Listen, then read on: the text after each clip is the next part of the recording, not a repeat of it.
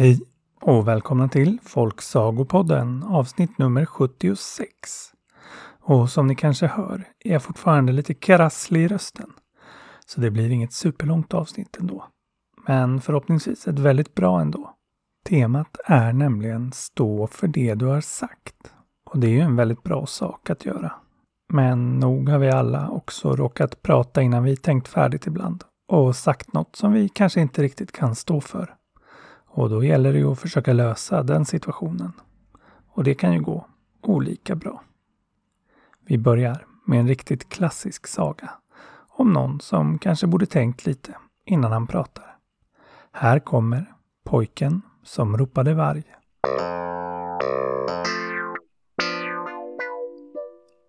Det var en gång en pojke som hade fått jobb med att vakta får åt en bonde. Varje morgon gick han och hämtade fåren och ledde upp dem i bergen där de fick beta. Hela dagen satt han där och vaktade dem innan han på kvällen ledde tillbaks dem igen. Och så där gick det, dag för dag. Och pojken, han tyckte det var förfärligt tråkigt. Ja, det hände ju aldrig någonting. Så han började fundera på något sätt att liva upp stämningen lite. Och till slut kom han på det. Han skulle spela byborna ett spratt. Han tyckte mycket om att skoja och han hade kommit på ett riktigt bra skoj, tänkte han. När han ställde sig på en sten och ropade för full hals. Varg, det kommer varg! Den äter upp mina får! Ja, så där stod han och skrek. Och ganska snart så släppte folk allt de hade för sig och kom springande. Ja, det kom riktigt många människor springande för att hjälpa honom och alla såg de förskräckta ut, men ingen varg såg dem. Och pojken, han tyckte det var riktigt roligt hur lurade alla hade blivit, så han skrattade gott åt dem och sa att det inte var någon varg där. Han hade bara skojat. Ja, nu blev ju byborna väldigt sura förstås och sa att så där fick han inte göra. Men pojken bara fortsatte skratta.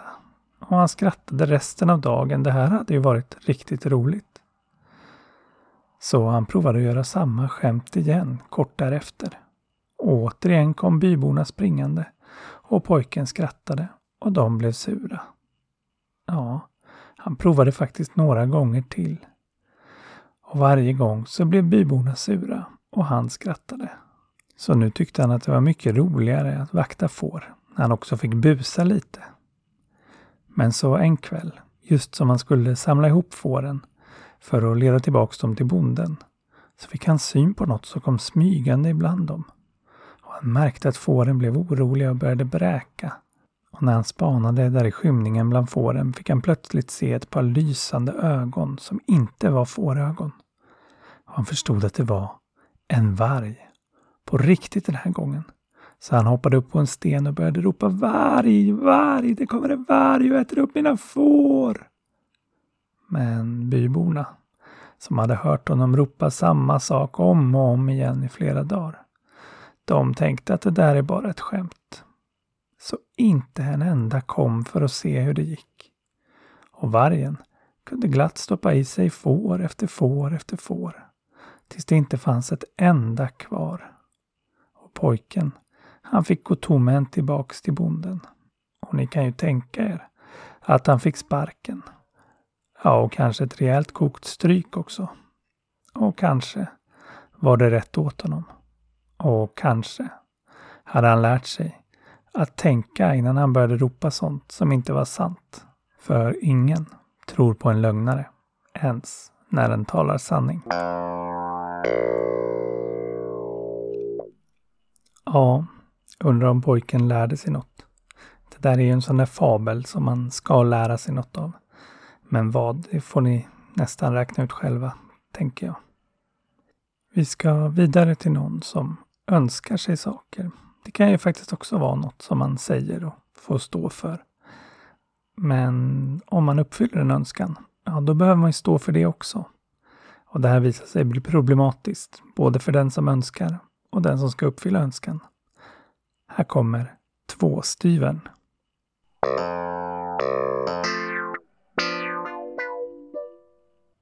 Det var en gång en torpare som hade dragit på sig en väldans massa skulder Ja, han hade ovanan att låna pengar. Och det är ju alltid dumt.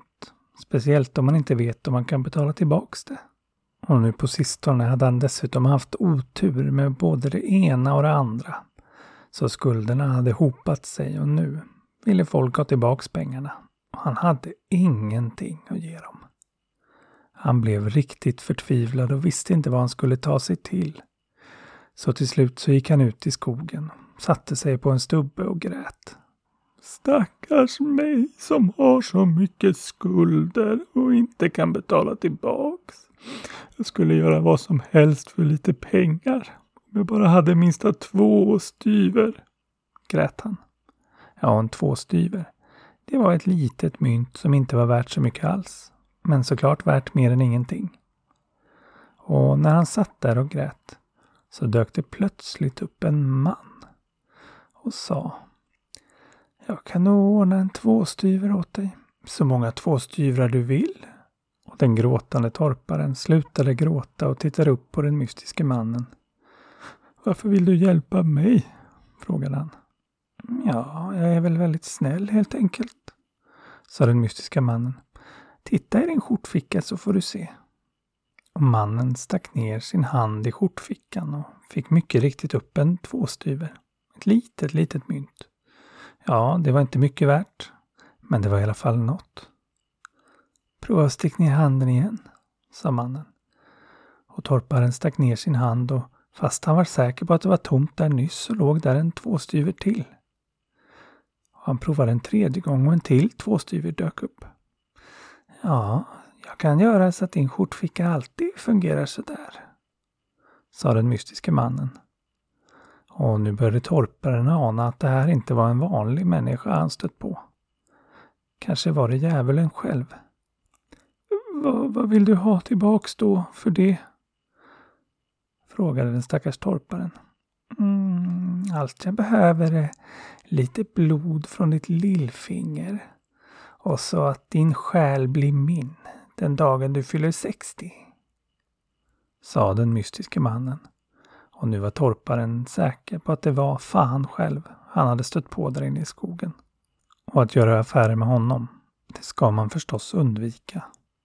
Men vad hade torparen för val egentligen? Nej, det var nog lika bra att gå med på det här. Han var ju dessutom ung, det var ju långt kvar tills han var 60. Och nu skulle hans pengaproblem kunna lösa sig för alltid. Så han stack sig i lillfingret och gav djävulen lite blod och gick ganska glad därifrån. Och morgonen efter så kom en som han hade lånat av och ville ha tillbaka sina pengar.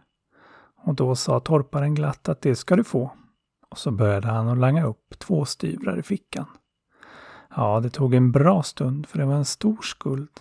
Men till slut så låg den där framför mannen som han hade lånat pengar av. Som snällt fick skrapa ihop två styvrarna och gå därifrån. Och torparen, han kunde be sig runt till alla han lånat pengar av och betala tillbaks alltihop med två styvrar. Ja, helt nöjda var de väl inte som fick det i småpengar men det var ju i alla fall pengarna tillbaks. Det kunde de inte säga något om. Och så var torparen skuldfri. Och nu kunde han ju fortsatt sitt torparliv och levt gott tills han var 60. Då djävulen skulle komma för att hämta honom.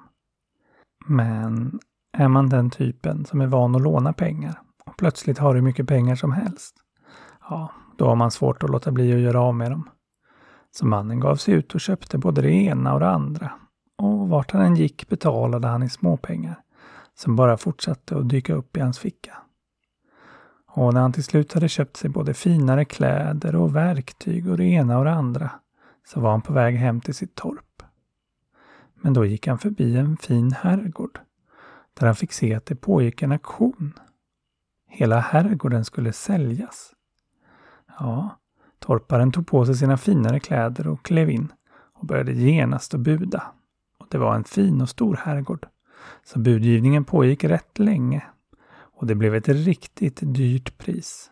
Men till slut var det torparen som vunnit. Och så var det dags för betalning. Och ni kan ju tänka er att han som skötte auktionen fick stora ögon när torparen började plocka upp pengar i fickan. Och dessutom bara småpengar. Inte ska du betala hela herrgården med småpengar? frågade han som hållit auktionen. Men torparen sa att ingen sagt att han behövde betala med något annat. Och så fortsatte han att lassa upp två styver efter två styver efter två styver efter två styver. Ja, hela långa dagen blev de stående där medan pengahögen växte och växte och växte. Och ju längre han höll på, ju varmare var pengarna han tog fram. Som att de var alldeles nytryckta. Och ännu varmare blev de ju längre tiden gick. Och när det var natt och de sista styvrarna skulle dras upp, ja då var pengarna glödheta. Så varma att de lös lite där i natten. Och tur var väl det, så de kunde se vad de gjorde. Men så till slut så var hela herrgården betald. Och den var torparens. Och han kunde flytta in och sova sin första natt. Men han hann inte sova så länge. För mitt i natten knackade det på dörren. Torparen, eller ska vi kalla honom herrgårdsägaren nu, steg upp och öppnade dörren. Och där utanför stod fan själv och såg alldeles utpumpad ut. Jaså, det var det här du köpte för tvåstyvrarna, sa han. Ja, visst, sa torparen som var mycket nöjd. Ska du köpa fler herrgårdar nu?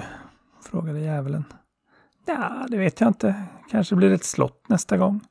Ja, pengar har jag ju gott om, sa han och klappade sig på skjortfickan. Ja, det var just det, sa djävulen. Pengarna de tog ju nästan slut. Alla småjävlar i hela helvetet fick jag sätta på att trycka nya mynt. Det var därför de blev så varma. De var alldeles nytryckta. Så kan jag inte ha det. Så jag får be dig om att eh, sluta langa upp två styvrar. Mm, jaså du, sa torparen. Det sa vi ingenting om i vår överenskommelse. Hur många jag ville, så var det sagt. Och när jag tänker efter behöver jag nog lite växelpengar precis just nu, sa han och började hiva upp två styver efter två styver i skjortfickan. Och han såg hur djävulen blev förskräckt. Nej, nej, sluta! Jag behöver småjävlarna till annat. Kan vi inte komma överens? Vi kanske kan eh, eh bryta kontraktet? Ja, sa torparen. Nu får du allt stå för vad du sagt. Eller ja, det är klart om jag får lite guld och tillbaks mitt blod och slipper bli hämtad när jag fyller 60. Ja, då kanske jag kan gå med på det. Och djävulen, han gav torparen både guld och sitt blod tillbaka och lovade att inte komma och hämta honom hur gammal han än blev. Och så kom det sig att den skuldsatta torparen kunde leva ut resten av sitt liv i sin herrgård med mycket pengar. Ja, där ser man. Inte ens djävulen kan alltså alltid stå för vad han har sagt. Och tur var väl det, för torparen alltså. Och på tal om att stå för vad man sagt, så kan ju det bli lite lurigt också, beroende på vad man faktiskt har sagt. Det märker de i nästa saga, som heter Torparen som ville ha skjuts hem. Och den kommer här.